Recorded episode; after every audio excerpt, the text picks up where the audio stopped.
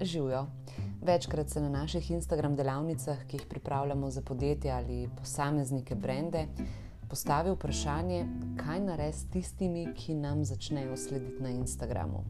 Torej, vprašanje je, ali jim naj brand, podjetje, posameznik sledi nazaj ali ne.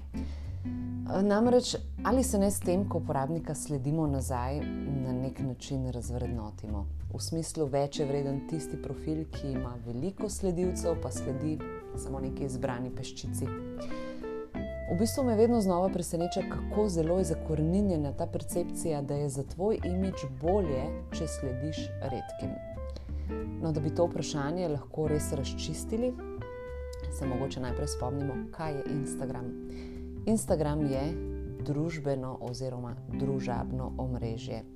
To pomeni, da je prostor, kjer se novodobno družimo. In družimo se lahko samo na tak način, da smo skupaj da en drugega zanimamo, se poslušamo na nek način. In kako poslušamo na Instagramu? Ja, tako da sledimo, pogledamo story, objave drugih, kaj pokomentiramo, kaj povšečkamo. In seveda tukaj je prvi korak, da sledimo nazaj. Zato je moj nasvet, ko te pofollowa tvoj potencijalni kupec, tvoja potencijalna stranka, ga absolutno sledi nazaj lahko mu še povšečkaš kakšno objavo, napišeš lahko tudi par besed v direct message. Recimo, draga Mataja, tako nič devet, dobrodošla, hvala, da si se nam oglasila, kako super, da smo se povezali, bla bla. Kaj s tem dosežeš? Prvič, pobožaš novega sledilca.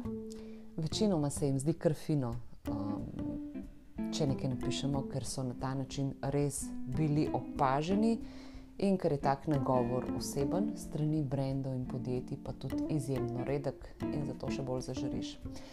Drugič, verjetno bodo kaj napisali nazaj, to pa je za Instagram že zelo vreden connection.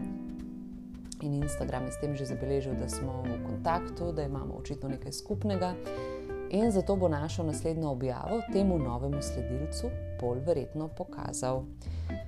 Ker kaj je cilj Instagrama?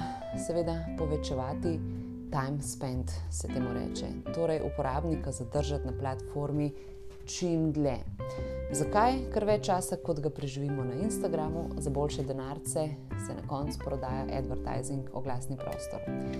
In da bi to dosegel, seveda Instagram v zadju vse čas čekira, s kom smo povezani, na čigave objave smo odreagirali, kakšen tip vsebine nam je ljubši, katere vsebine. Um, tudi lokacija, vse to se upošteva in seveda Instagram vse čas preračunava, kaj bi tega XY uporabnika utegnilo zanimati. Zato, da ga bo seveda čim dlje zadržal na, na platformi. In ko Instagram, tvoj račun, tvoj profil ujame v ta unikatni algoritem posameznika, si na njegovem radarju. In več kot, inter, kot je interakcije med vama, bolj se bodo tvoje objave tudi vnaprej prikazovale temu tvojemu novemu sledilcu in to je verjetno tvoj končni cilj. Torej, ko te sledi profil, ki je tvoj potencial, ga followaj nazaj. S tem se ne boš razvrednotil, ampak samo pridobil.